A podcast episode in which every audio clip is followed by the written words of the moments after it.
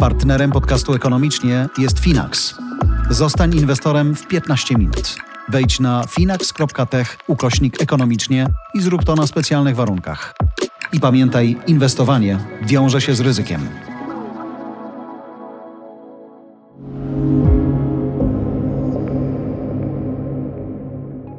Ze studia Voice House Rafał Hirsch i Jarosław Kuźniar. W najnowszym odcinku podcastu Ekonomicznie słuchamy słuchaczy i tematów, które im w portfelu grają.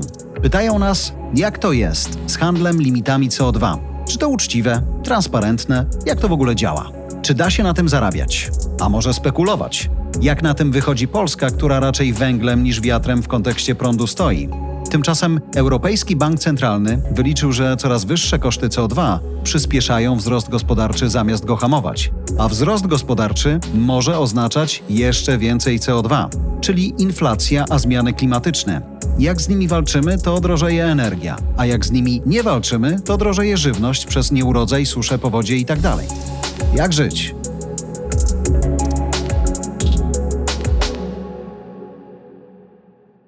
Ten moment, w którym nasi słuchacze, a są nam wierni i za to im bardzo dziękujemy, mówią, panowie, a może byście, jak słyszę, a może byście, myślę sobie, a może byśmy rzeczywiście, jak to jest, panie a może Rafale? byście rzeczywiście. zarabiać na CO2.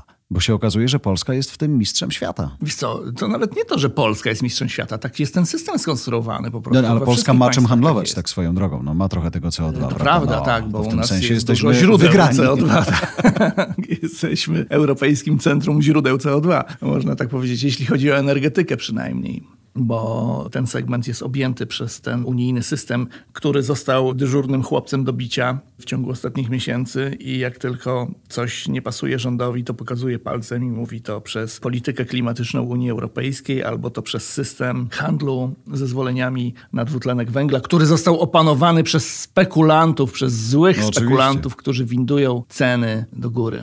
Tu jest dużo rzeczy do wyjaśnienia, czy też do naprawienia. Jak premier na przykład mówi, że trzeba tak zmienić ten system, żeby tam nie było spekulantów, to jeśli wie, co mówi, to wie, że mówi straszne kocopały, albo ewentualnie nie wie, co mówi, ponieważ tymi spekulantami na tym rynku są same firmy energetyczne. Polskie firmy energetyczne, czy w ogóle? W ogóle, ale polskie też oczywiście, bo mhm. one nie są wyjątkiem. Wszystkie firmy energetyczne handlują na rynku terminowym, kontraktami terminowymi na tym, dlatego, że kupują to na zapas.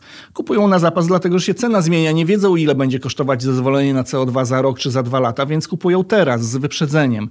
Stąd robi się tak duży ruch cen w jedną lub w drugą stronę. Poza tym, jeśli to jest rynek kontraktów terminowych, to cechą takiego rynku jest to, że żeby zawrzeć transakcję, musisz mieć drugą stronę na każdej giełdzie tak jest, że jak musisz kupić coś, mhm. akcje, obligacje, w no tym tak. przypadku zezwolenie na emisję CO2, ktoś ci musi sprzedać Ale to. Poczekaj, Musisz to mieć tak... z drugiej strony kogoś. Transakcja na tym polega, że są dwie strony, tak? Więc tą drugą stroną są inwestorzy finansowi, są banki i oni tam muszą być, bo musi być ta druga strona. Jak ich przepędzisz, to od kogo ten PGE ma kupić to CO2? Od Tauronu, a Tauron od PGE?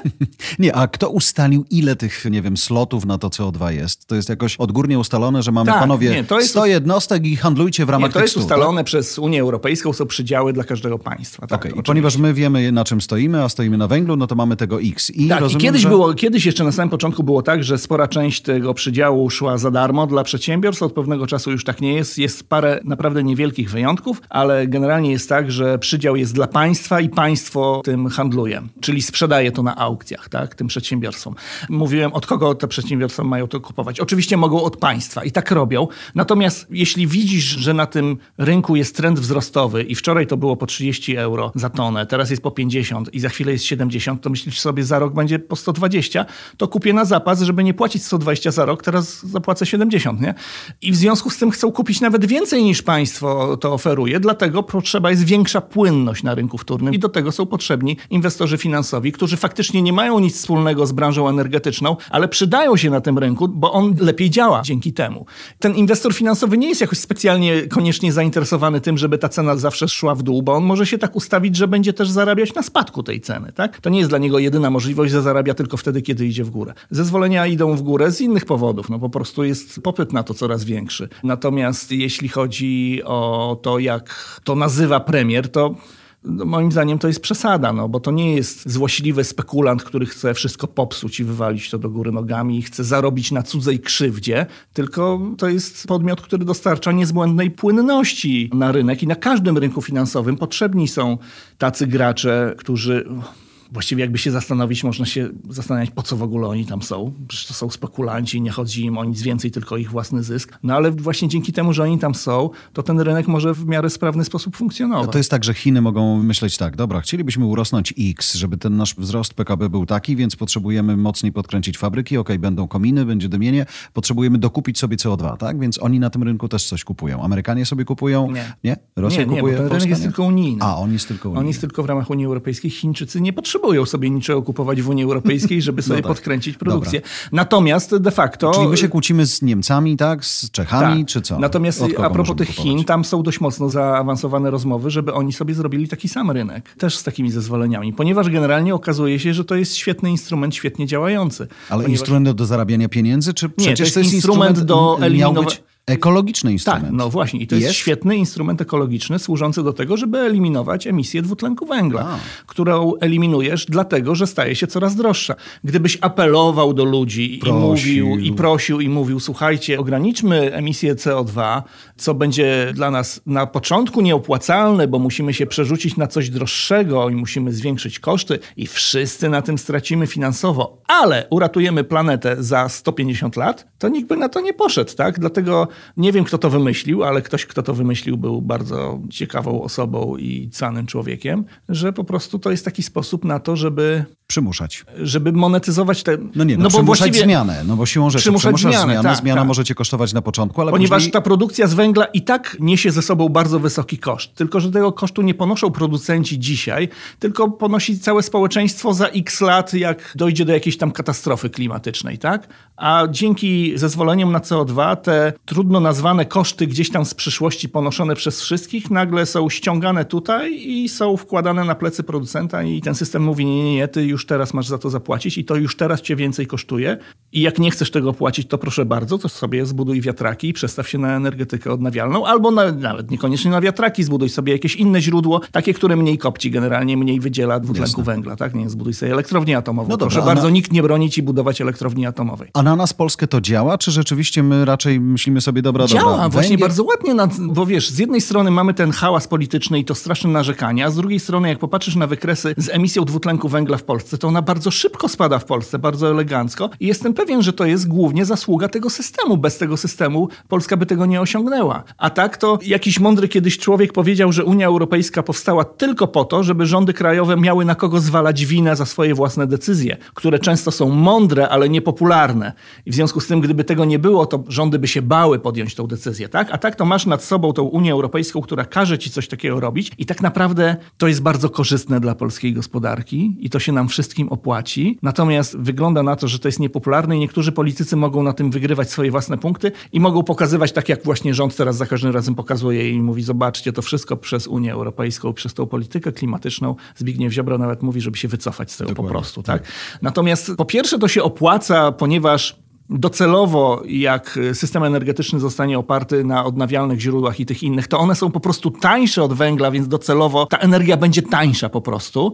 Teraz trzeba ponieść koszty tej transformacji i te koszty faktycznie są ogromne. No ale ten system też to jakby przewiduje, tak? No bo te zezwolenia sprzedaje rząd, który potem z tego ma miliardy złotych, tak? W przypadku polskiego rządu. Co miesiąc na tych aukcjach polski rząd kosi tam jakieś 2 miliardy złotych, czyli to jest ponad 20 miliardów rocznie. No to to są pieniądze na tę transformację właśnie. Za te pieniądze naprawdę można dużo zrobić, żeby przeprowadzić transformację w polskiej energetyce, tak? Żeby szybciej pozamykać te elektrownie węglowe i zająć się tymi ludźmi, którzy tam pracują. Są pieniądze na to, żeby jakoś zorganizować im potem życie, albo ewentualnie zainwestować szerzej i lepiej w jakieś inne nowe źródła, tak? W nowe elektrownie, czy to wiatrowe, czy to słoneczne, czy to gazowe, czy to atomowe, tak? Na to są pieniądze. Poza tym Unia do tego jeszcze wymyśliła jeszcze jeden bardzo fajny instrument, instrument żeby takie kraje jak Polska nie płakały aż tak bardzo ze względu na swój trudny los. I ten instrument nazywa się Fundusz Odbudowy, bo w tym Funduszu Odbudowy jest bardzo precyzyjnie wskazane, na co te pieniądze mogą iść i bardzo dużo tych pieniędzy ma właśnie iść na transformację energetyczną.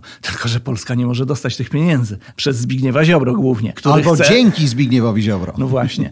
Natomiast wiesz, gdybyśmy byli ok, jeśli chodzi o zasady praworządności i gdybyśmy ciągle nie kłócili się o byle co z Unią Europejską, no to nie jest byle co, ale chodzi mi o to, że o, o cokolwiek, o wszystko jedno co, tak, to pewnie byśmy mieli te pieniądze też i znów byłoby łatwiej przekształcać energetykę. Z jednej strony jest to oczywiście system wymagający, który trochę boli, ale z drugiej strony Unia, wiedząc, że to boli, dostarcza całą masę pieniędzy z drugiej strony, zobacz, drugą ręką, żeby logiczne. finansować konieczne zmiany. Ale zmiany i to takie, bo zmiany takie fizyczne, że właśnie musimy, nie wiem, zamknąć być może jakieś kopalnie, żeby zrobić coś innego, ale miałbyś też pieniądze na wytłumaczenie, bo pamiętam kiedyś niedaleko po sąsiedzku w Czechach byłem w takiej właściwie muzeum już pokopalnianym, świetnie przerobione miejsce ze starych kopalni na muzeum na opowiadanie historii. Tam się ktoś przygotował do tego, żeby też tym ludziom pokazać i opowiedzieć, że to trzeba będzie zrobić, bo i na to pieniądze też były. Niemcy przecież postanowiły x lat temu, że będą zamykały część swoich kopalń i później kolejne rządy też się przez ileś lat tego trzymały. U nas no, wygląda to właśnie Nie, tak, właśnie, ale wygląda, wiesz, no. w Polsce też jest cała masa zamkniętych kopalń. Jeszcze przecież w latach 90. zamykano. Naprawdę No, ale produkcja górnicza, produkcja, wtedy, tak, nie? No. produkcja górnicza w Polsce jest zdecydowanie mniejsza niż kiedyś. Swoją drogą warto pamiętać przy okazji rozmowy o dwutlenku węgla, że to nie kopalnie trują. Samo wydobycie węgla nie emituje spalenie CO2. go tak. Spalanie dopiero w elektrowniach. Tak? To chodzi o to, żeby elektrownie pozamykać. Kopalnie jak znajdą odbiorcę jakiegoś innego na swój węgiel, niech sobie funkcjonują. W Chinach no. albo w Rosji. W Chinach, tak. No, wszystko jedno. Tak? Najprawdopodobniej tak będzie, że jak znikną elektrownie węglowe, to tego węgla będzie potrzeba mniej i siłą rzeczy produkcja węgla też będzie ograniczana. Natomiast sercem problemu nie są kopalnie, tylko są elektrownie na węgiel. Bo też często górnicy się buntują i burzą. Mówią, że przecież ich działalność nie, nie wywołuje To trucia. I to jest prawda akurat, nie? Szczególnie, że zapieprzają jak nikt. W Polsce jest cała masa zamkniętych kopalń, w których są trasy turystyczne, które No można tak. zwiedzać. Sam byłem w kilku, to jest Wałbrzych, bardzo patrz. fajna. Wałbrzych, Nowa Ruda, obok Wałbrzycha też byłem tam prawda. chyba dwa czy Ale wracając, temu. Generalnie w Kotlinie Kłodzkiej jest tego dość Dzisiaj dość popatrzymy sporo. sobie na to, co się dzieje właśnie z tymi limitami CO2. Mówimy o temacie, który intrygował naszych słuchaczy. Europejski Bank Centralny liczy, że coraz wyższe koszty CO2 przyspieszają wzrost gospodarczy zamiast go hamować. Pytanie moje jest proste. Czy to dobrze, czy źle? Nie, no to dobrze, jak przyspieszają. Natomiast No tak, ale no- ciekawe, bo to jest świeża sprawa, która pojawiła się w styczniu. Izabel Schnabel jest taka pani, która jest w zarządzie Europejskiego Banku Centralnego. Ona tam reprezentuje Niemcy, bo w zarządzie tam są Mhm. przedstawiciele państw różnych. I ona opisała i właściwie powiedziała, jako pierwsza powiedziała to głośno.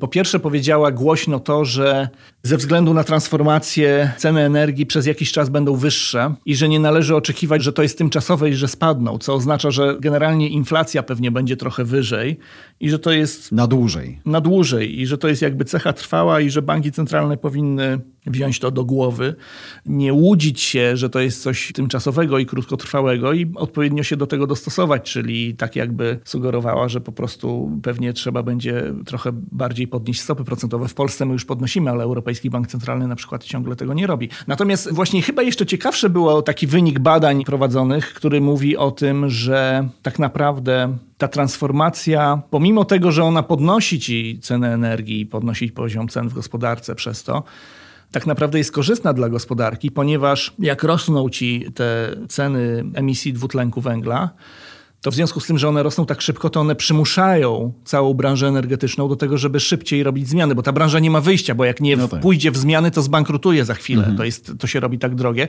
Więc muszą przyspieszać te zmiany, więc muszą zwiększać inwestycje w energetykę odnawialną, a te inwestycje produkują dodatkowe miejsca pracy. Tworzy się zupełnie nowa branża w gospodarce, której wcześniej w ogóle nie było i ta branża zostanie na stałe i będzie zatrudniać dziesiątki tysięcy ludzi. Ale to mówisz I to o- jest korzyść dla gospodarki. To jest dodatkowa nowa produkcja, dodatkowa wartość dodana, której wcześniej nie było i per saldo na końcu wychodzi, że gospodarka na tym zyskuje, że po prostu będzie większe zatrudnienie, bo ponieważ tam trzeba będzie zatrudniać tych wszystkich. Z jednej strony pewnie pracownicy elektrowni na węgiel stracą pracę, bo tą elektrownię trzeba będzie zamknąć, ale pojawi się znacznie więcej nowych miejsc pracy w innych gałęziach tej samej energetyki. Ale to mówisz raczej o Europie, bo jak popatrzymy na Polskę, no to mamy, mamy Tauron, mamy PGE i to są giganci, ale oni są państwowymi gigantami. Nie ma jakichś nowych, prywatnych prywatnych firm, które nagle by zapewniały mi ciepłe kaloryfery w domu. Oczywiście, ja mówię o pani z Europejskiego Banku no Centralnego, ona pisała o strefie euro, natomiast ten sam mechanizm pewnie zadziała w ten sam sposób także w Polsce. Ale to, że firmy są państwowe, nie prywatne, to nie znaczy, że one nie mogą tworzyć nowych miejsc pracy i inwestować. Tym bardziej, że w wielu krajach akurat sektor no, energetyczny no, jest państwowy. We Francji wszystkie no, okay. firmy są państwowe francuskie. Tak? No dobra, ale zobacz, gdybyś miał... E, tylko, że we Francji, przepraszam, tylko, że we Francji one są... To, że firmy są państwowe we Francji nie oznacza, że każdy kolejny rząd przychodzi i wymiata tam wszystkich no tak. z zarządów i wsadza swoich ludzi. Tak? Znaczy, one są profesjonalnie osoby, państwowe. Osoby zarządzające tymi państwowymi firmami zarządzają tam od 30 lat, niezależnie od tego, kto zostaje premierem. Są po prostu do tego przygotowani. Są profesjonalni państwowi, tego się trzymajmy. Ale zobacz, u nas jak się zabierasz za to, żeby to była zdrowsza energia, no to zaczynasz, co możesz zrobić? Wybudować blok nowy w tej samej elektrowni, który będzie inaczej skonstruowany? Czy możesz zamienić węgiel na, nie wiem, energię jądrową? Jak to u nas wygląda? Właściwie drogi ucieczki od węgla są tak naprawdę ograniczone. dwie. Aha. Ograniczone. No, dwie to mało. No, możesz uciekać w odnawialne źródła energii. Co się dzieje? Powoli, ale się jakoś tam dzieje i możesz uciekać w energetykę jądrową, o której możemy zrobić, nie wiem, trzy osobne odcinki, tak? No tak, ale mówiłeś o Francuzach. różnych rzeczy, które w Polsce nie wychodzą, jakby zrobić listę rzeczy, które w Polsce nie wychodzą, myślę, że elektrownia atomowa byłaby wysoko na tej liście, bo ile my już lat tą elektrownię budujemy przecież. No ale czy my musimy odkrywać Amerykę, czy nie możemy popatrzeć na Europę i powiedzieć, dobra, we Francji sprawdza się to, w Niemczech sprawdza się to, na północy Europy sprawdza się coś, spróbujmy wziąć od nich tę wiedzę i zrobić to w ten sposób. Nie, nie, ale to nie jest tak, że my nie wiemy, co trzeba zrobić. My wiemy, co trzeba zrobić. Nie umiemy? Nie mamy kasy, czy co? No, Ludzi? No, tak mniej więcej, tak, tak. No, kwestia finansowania na pewno to jest bardzo duże przedsięwzięcie, energetyka atomowa, więc to jest... No ale ile jest chętnych na świecie pewnie, którzy dla nas to wybudują, nie? No tak dwóch, Francuzi i Amerykanie. Okej. Okay. No może Koreańczycy jeszcze, ale generalnie chyba rozmawiamy bardziej z Francuzami w tej chwili, ponieważ jeśli chodzi o relacje z Amerykanami, z tego co czytałem w różnych miejscach zorientowanych ludzi, to TVN wszystko zepsuł. Jednak. Tak, tak. Oni tego nie zapominają tak łatwo. Problem polega na tym, że tak duże przedsięwzięcie jak budowa energetyki atomowej to jest jednak przedsięwzięcie polityczne i o tego typu rzeczach rozmawiają premierzy, prezydenci. To nie jest kwestia do załatwienia pomiędzy prezesami prywatnych firm. To jest kwestia załatwiana przez państwa. Więc, żeby to osiągnąć, powinniśmy mieć sprawne, dobrze zarządzane, profesjonalne państwo. I to jeszcze profesjonalnie zarządzane na tym, że tak powiem nieładnie, odcinku zagranicznym, polityki zagranicznej, bo potrzeba partnerów z zagranicy. Polska, mam wrażenie, w ogóle nie ma żadnej polityki zagranicznej od dłuższego czasu. W wielu miejscach nawet ambasadorów nie ma a jak są często, to są to jacyś dziwni ludzie. Więc... Albo tacy, którzy mają swoje zdanie, jak przy okazji energetyki nam idealnie pasuje w Pradze, że pojadą, powiedzą co myślą, będzie to naturalne, szczere i stracą za to głowę. Żeby jeszcze coś skandalicznego powiedzieli, nie? No, cholera prawdę powiedział. Powiedział coś, o czym wszyscy wiedzą, mam wrażenie, tak. Niestety, więc tutaj pewnie leży problem, żeby to jakoś tam poskładać. Kwestia finansowania, no to jest trudne, bo to dużo kosztuje, ale pewnie w końcu jakoś by się udało, zwłaszcza gdyby był w tym projekcie jakiś jakiś zagraniczny, renomowany partner, to wtedy łatwo pewnie byłoby namówić banki i różnego rodzaju tego typu instytucje, żeby wyłożyły dużo pieniędzy i nie chciały zbyt dużo procentów w zamian, bo to też oprocentowanie tego jest istotne. No i trzeba wiedzieć, jak to zrobić, trzeba wiedzieć, gdzie to zrobić. No my się bujamy ponad 10 lat ze znalezieniem w ogóle miejsca na tą elektrownię tak, atomową w Polsce. Jak już to miejsce zostanie konkretnie wskazane, to na pewno będą protestować mieszkańcy. No, cała masa jest różnych przeszkód i to nie jest niestety niestety takie łatwe, no ale jeśli chcemy wyciąć węgiel, a powinniśmy chcieć i powinniśmy wyciąć węgiel, bo on jest niesamowicie szkodliwy, no to trzeba mieć w tym systemie energetycznym jakąś inną trwałą podstawę i wydaje się, że sama tylko energetyka odnawialna potrafi być zbyt kapryśna, co ostatnie lato na przykład pokazało i to przez prawda. to też ceny gazu poszły bardzo mocno w górę, bo nagle się okazało, że wieje zdecydowanie mniej niż miało wiać. Ale to też system naczyń połączonych. Jak kopcisz węglem, no to psujesz klimat. Klimat ci zmienia pogodę i no, można tak powiedzieć, że klimat się mści, tak. No. Ale skoro się mści, to może to nie jest zbyt dobry pomysł, żeby opierać cały system na źródłach zależnych od klimatu właśnie, więc by się przydał. No, Ale co, czyli co woli, można zrobić, jeśli nie węgiel? Węgla. No, jeśli to... nie węgiel, to zostaje ci gaz i atom tak naprawdę. No ale tak? gaz, to widzisz, co się dzieje z gazem. No, i Gaz atom... nagle strasznie drożeje, a poza tym gaz jest to jakieś tam uzależnienie od Rosji, na które z powodów politycznych nie chcemy się zgadzać. Tak? I okay, to jest osobna dyskusja, tak. ale generalnie ja to rozumiem. Tak? No nie chcemy mhm. się na to zgadzać. No to pozostaje energetyka atomowa. Ale tutaj... Pierwsza spółka w PGE od energetyki atomowej, Aleksander Grat, były minister w rządzie Donalda Tuska, to był chyba 2009 rok, to ile to już jest? 13 lat? 13, ale 13 zobacz... lat na etapie wymyślania, gdzie ta elektrownia ma stanąć. Ale nawet teraz, kiedy mówimy o tym ewentualnie, gdzie ci Francuzi ewentualni mogliby nam coś zbudować, no to też jest x lat. To nie jest tak, że to powstanie w ciągu, nie wiem, najbliższych trzech czy pięciu, prawda? Tak, to i są... być może też skończy się w ogóle tak, że, że, że, że, powstaną te takie małe reaktory atomowe, o których się mówi, o których zdaje się Michał Sołowow chce w to wchodzić, tak? I po prostu tak, polscy tak, prywatni przedsiębiorcy, jeśli rząd, im te, akurat... jeśli rząd im tego nie popsuje, bo może. Bo on chce wchodzić, żeby u siebie w fabryce mieć tak. tańszą energię po prostu. No, no ale, no, ale wiesz, ale zawsze to jest takie źródło. No jeśli masz taką fabrykę, która ciągnie tyle prądu, no to jak sobie ją odepniesz od systemu, bo masz swoje własne źródło, no to ten system też złapie oddech, nie? Więc to też się liczy. No jeśli powstanie, nie wiem, 6 czy 10 takich reaktorów w różnych miejscach w całym kraju, to tak jakby była jedna duża elektrownia atomowa. A być może rzeczywiście takie mniejsze rzeczy, w związku z tym, że to ma mniejszą skalę, być może to łatwiej sfinansować, szybciej zbudować i generalnie mniejszy projekt, więc jest łatwiejszy do ogarnięcia, a poza tym nie musi tego robić żaden minister ani premier, tylko ludzie, Prywaciarz. ludzie w firmach zarabiający 7 razy więcej niż ten premier się za to wezmą. To by było fajne, może zrobią to lepiej. Tylko to by było fajne i miało sens globalny czy narodowy, gdyby, za przeproszeniem, gdyby taki Sołowow wybudował swoją elektrownię jądrową, powiedzmy, wziął tego prądu, ile potrzebuje do siebie a resztę i resztę sprzedał. Może będzie tak może, tak robić. No. Dlaczego nie? Żeby mu tylko nikt nie przeszkadzał. To proszę bardzo. W każdym razie, jeśli chodzi o ten dwutlenek węgla, to po pierwsze te ceny nie są sztucznie napędzane i to nie są żadni spekulanci, których trzeba przepędzić, tylko jest to element rynku, który jest konieczny do tego, żeby on dobrze funkcjonował. Po drugie, państwo dostaje z tego handlu CO2 niesamowicie duże pieniądze, które powinno mądrze wykorzystywać na transformację energetyki i raczej chyba tego nie robi. Z drugiej strony, zobacz, jak teraz wchodzi Polski Ład i mamy mieć zerowy VAT na przykład na mhm. energię elektryczną, co kosztuje w budżecie, tak? bo nie będzie wpływów z tego podatku, no to być może można by pokrywać ten ubytek w budżecie właśnie tą kasą ze sprzedaży CO2. Nie wydajesz wtedy tych pieniędzy na transformację energetyczną, ale jakby wydajesz je na to, żeby ludzie mieli dalej tańszą energię, co redukuje ci to ryzyko, że się tak wściekną na ceny prądu, że pójdą i będą, wiesz, podpalać wiatraki, tak? I będą, no bo ludzie mogą w ten sposób zareagować, tak? Jeśli im się wmówi, że to wszystko przez tą politykę klimatyczną, tak jak Ziobro usiłuje wmawiać, tak? No to kurde, ludzie jak w to uwierzą, to pójdą i będą protestować przeciwko energetyce odnawialnej, co będzie bardzo niedobrym ciągiem dalszym całej tej historii. Więc być może warto faktycznie też ułożyć jakieś pieniądze na to, żeby trzymać te ceny niżej. To nie jest kontrolowanie wszystkich cen w gospodarce, tak? Bo to jest oczywiście absurdalna idea i kompletnie utopijna, żeby teraz kontrolować wszystkie ceny, żeby powstrzymać inflację. Ale jeśli chodzi o samą energię elektryczną, to to się dzieje w wielu miejscach na świecie i to można pewnie robić i pewnie byłaby z tego jakaś korzyść, więc być może te pieniądze z CO2 można w ten sposób wykorzystywać. Generalnie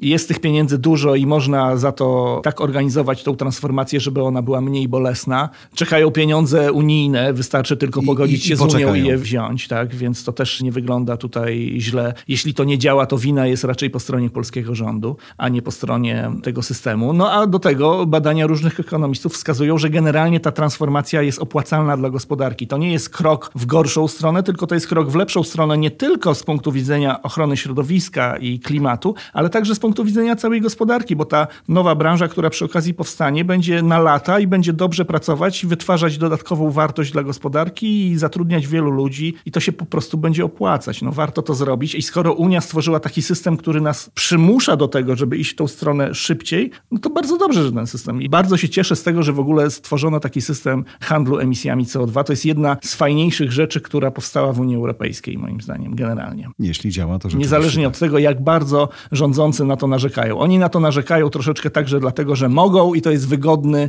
właśnie chłopiec do bicia. Łatwo na niego pokazać palcem to przez nich, ponieważ Zobaczcie, wiadomo, że płacić. wiadomo, że od tego, że pokażesz na to 100 razy, to to nie zniknie. To nie jest jakiś przeciwnik polityczny, który się odwinie i wysunie jakąś ripostę, więc możesz bezkarnie pokazywać ciągle na niego palcem. Ale tak naprawdę myślę, że premier Morawiecki też cieszy się w głębi duszy, że ten system istnieje, bo on nas pcha ku zielonemu światu. Ku lepszemu generalnie światu od strony gospodarczej też. Rafał Hirsch, bardzo dziękuję. Dziękuję. Ale taki odcinek o regulowanych cenach z taką muzyką z PRL-u moglibyśmy zrobić też, nie? Możemy, możemy. No, tak. że właśnie I wszystko to- ma być to- tańsze o 5 zł, po prostu. I nagle myślisz sobie, ale jak? Przecież mamy wolny rynek. Był wolny rynek, ale na jabłka nie ma, na ryż nie ma, na miód nie ma, na cukier nie ma, na sól nie ma, na pieprz nie ma. Trzeba wprowadzić taki zapis w kodeksie karnym, że nie, nie obni- podpowiadaj. że nie obniżanie ceny przez sprzedawcę po tym, jak premier pstryknął palcami i powiedział, że trzeba obniżyć, jest zagrożone karą do lat siedmiu. Dobre, bezwzględnego więzienia, Tak. a nie zawiasy albo inne Premier poręczenia. powiedział, że trzeba obniżyć ceny, to trzeba obniżyć ceny. Nie, To będzie że... dobry wstęp do nowego odcinka. No, jesteśmy umówieni w ekonomicznie. Dziękujemy za Twoją uwagę. Ale zanim się rozłączysz albo posłuchasz kolejnego odcinka, mam prośbę. Spotify pozwala teraz na ocenę podcastów. Jedna, dwie, trzy, cztery albo pięć gwiazdek. Bądźcie z nami szczerzy. Dziękuję.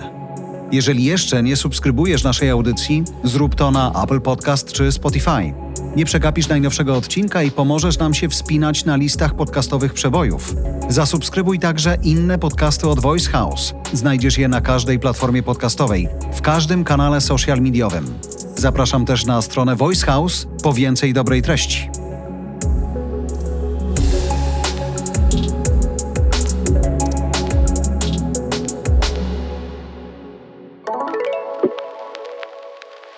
Partnerem podcastu Ekonomicznie jest Finax. Zostań inwestorem w 15 minut. Wejdź na finax.tech ukośnik ekonomicznie i zrób to na specjalnych warunkach. I pamiętaj, inwestowanie wiąże się z ryzykiem.